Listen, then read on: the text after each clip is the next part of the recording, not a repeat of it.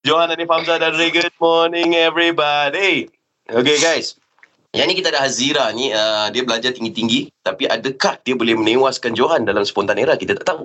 Okay Hazira, Ya, saya. permainan ni adalah soal menyoal. Biasanya perempuan memang advantage bab-bab menyoal ni lah. Uh, saya kurang kot. Tapi kita cuba. Aku cuba baik baik baik. Ray bagi tahu cara kata dia Ray. Okey, cara-cara dia, uh, Azira, awak tak boleh lambat bersoal. Awak uh, tak boleh ulang soalan Johan. Eh?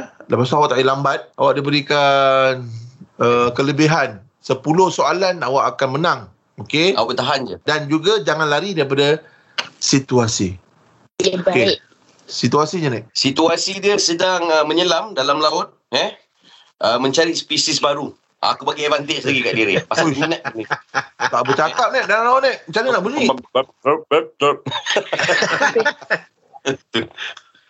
Okey.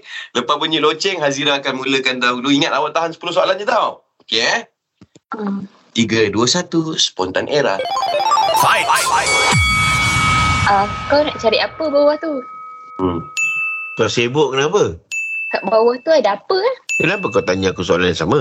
Ikan dalam tu rasa ada banyak mana? Kau buat research pasal ikan ke? Kalau buat pasal ikan nak buat pasal apa? eh? Ikan apa yang kau tahu? Ikan bawal ke ikan siakap? Weh, kau research pasal apa ni? Anak ikan ke nak anak sotong? Uh, Cot- Sotong muka candat ke? Uh, kau nak tangkap ke kau nak candat? Ay, Tak, main kau benda nak tu tanya je. aku apa, soalan apa sebenarnya ni? Nak ikan ke nak sotong tadi ikan tanya? Ah, kau nak ulang soalan? Oh, dah soalan kan? Belum, belum. Tadi tak ada kataan panjang tu. Tak ada.